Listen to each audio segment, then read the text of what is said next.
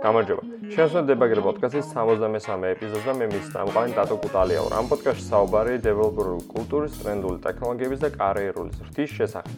მოდი დღეს ვისაუბროთ mobile development-ზე კერძოდ. როგორ შეგვიძლია დავიწყოთ ზოგადად mobile development-ი, რა შეიძლება პირველი შევეჭიდოთ და რა შეიძლება იყოს ის საკითხები, რომელიც უფრო პრიორიტეტულია ვიდრე სხვა რაღაცეები. დღევანდელი ეპიზოდი განკუთვნილია იმათვის, ვინც ოდნავ მაინც იცის დეველოპმენტი, უბრალოდ უფრო მარტივი გასაგები იქნება მათთვის, მაგრამ იმათვისაც არ იქნება მოსაწყენი, ვისაც საერთოდ არ აქვს შეხება ჯერჯერობით დეველოპმენტთან, მაგრამ დაინტერესებულია რა გააკეთოს. საბოლოო უფრო მეტად იმას შეეხება, როდესაც ვაპირებთ native, ანუ Android და iOS პლატფორმაზე დეველოპმენტს და არა cross platformულ გადაწყვეტებს, როგორც არის React Native, Flutter-ის Xamarin და ძალიან ბევრი სხვა. რადგან მობილური არქიტექტურის აი პლატფორმის სპეციფიკა განსხვავებულია და native developers სჭირდება უფრო მეტი კავშირი უშუალოდ პლატფორმასთან, მეტი სიღრმეებში ცოდნა, როგორ ხდება მაგალითად state-ის შენახვა, აღდგენა, როგორ ხდება ფაილურ სისტემასთან მუშაობა, რა შეიძლება, ანუ უსაფრთხოების სტანდარტების გათვალისწინება თითოეულ ამ პლატფორმაზე, დიზაინის პრინციპები და ასე შემდეგ, რომელიც ყოველთვის კარგად გამოხატული არის ინდივიდუალურ პლატფორმებზე. და ამ ეპიზოდის განმავლობაში მოდი ვისაუბროთ აი ამ ზუსტად უნარჩვევებზე და ცოდნაზე, რაც სჭირდება თითოეული პლატფორმის კომპეტენციის ჭრილში დეველოპერს.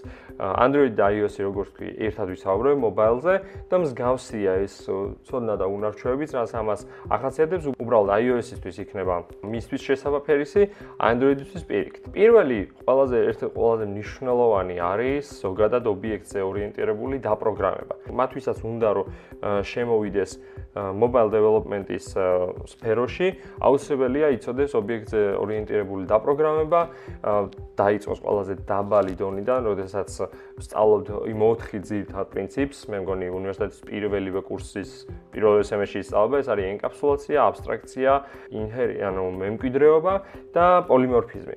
აი აქედან დაწყებული შემდგომ უკვე წლების განმავლობაში შეუძლია დაინტერესებულ ადამიანს ეს მოიმატოს ცოდნა ამ მიმართულებით და მივიდა შემდგომ უკეთეს რეფაქტორინგამდე, უკეთესი ცოდნა კონდეს როგორ შეუძლია სხვადასხვა პრობლემის რეალიზაცია დახვეწილი OOP პრინციპებით, კარგად გაიაზროს solid პრინციპები და ასე შემდეგ.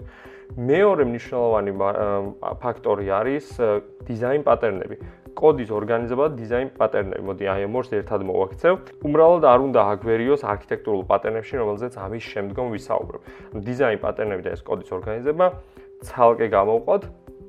აქაც ვიწყებთ პირველი საფეხურიდან, რომელსაც ალბათ სწავლობთ ისევ საწყის უნივერსიტეტისშიც თუ სადაც იქნება კოლეჯში საწყის საფეხურებზე dry yagnikisi და სხვა სხვა კონცეფციებიდან მივიდივართ შემდგომ უკვე behavioral სტრუქტურულ დიზაინ პატერნებზე და შეგვიძლია ჩვენი დავალების მიხედვით შემდგომ ავირჩიოთ რომელ დიზაინ პატერნი შეიძლება ჩვენს code base მოვარგოთ.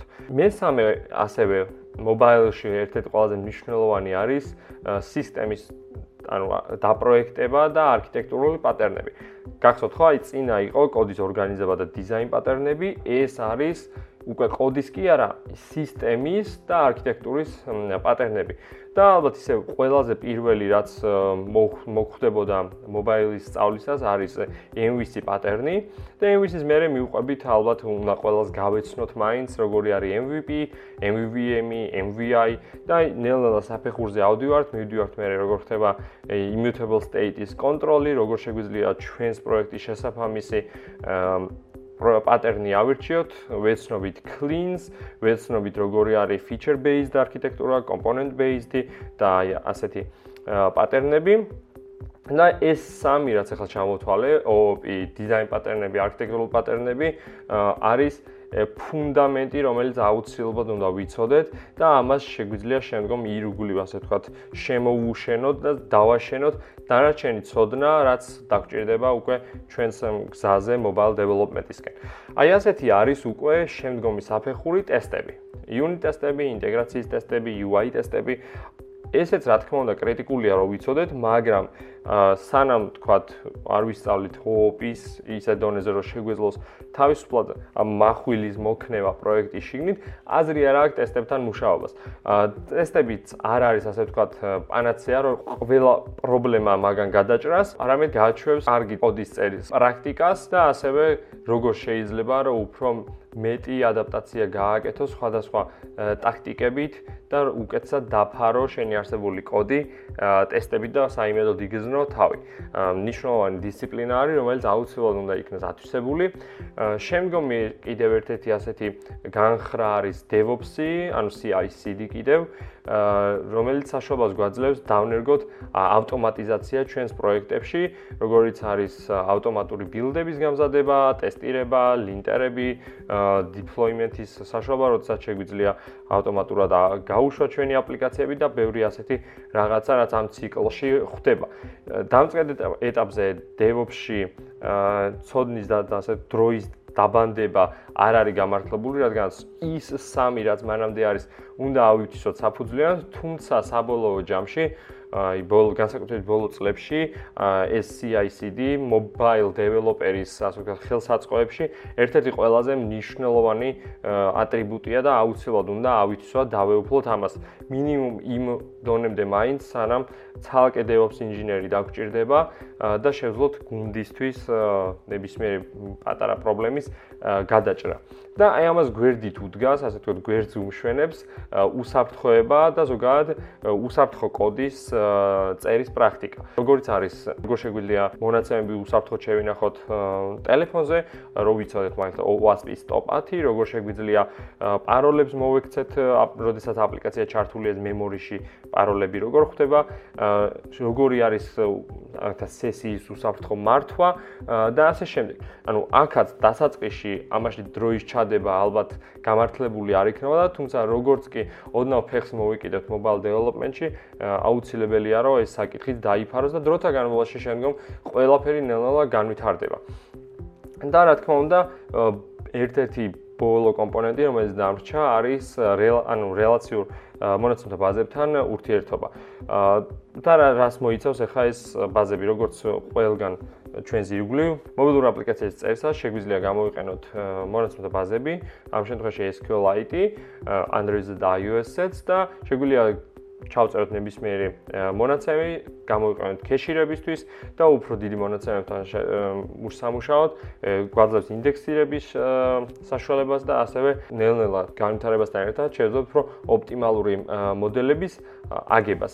როდესაც აი ამ საკითხს დავფარავთ, შეგვიძლია უკვე გადავიდეთ სხვა მონაცემთა ბაზების შესწავლაზე, რომელიც ზოგადად ცოდნას გაგვიღრმავებს და უკეთესად მოგცემს სხვა სხვა ასპექტების დაფარვის საშუალებას.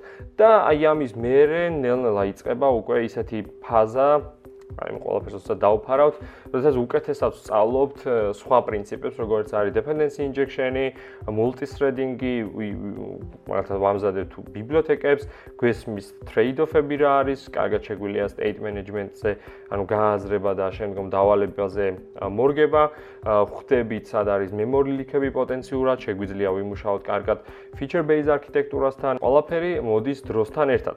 მაგრამ ის რამოდენიმე კომპონენტი, რომელიც ეხა ჩამოვთვალეს ზემოთ, ეგ არის აი ამ ყველაფრის საფუძველი. რა თქმა უნდა, საფუძველი არის, არ უნდა დაგვაუწყდეს ვერსიის კონტროლის სისტემასთან ერთად. ამ შემთხვევაში Git-ი, ყველაზე ცნობილი და პრაქტიკული და აქაც ნელა უნდა დავიწყოთ ალბათ merging-ით, branching-ით და შემდგომ განვითარდებით და ვისწავლით რა არის release flow, git flow, github flow, რა არის cherry pick-ი, rebase-ები და ასე შემდეგ. ანუ ეს აუცილებლად ნებისმიერ საითაც არ უნდა წავიდეთ mobile-ში, სისტემურ პროგრამირებაში, web-ში, ყველგან საჭირო ატრიბუტი არის.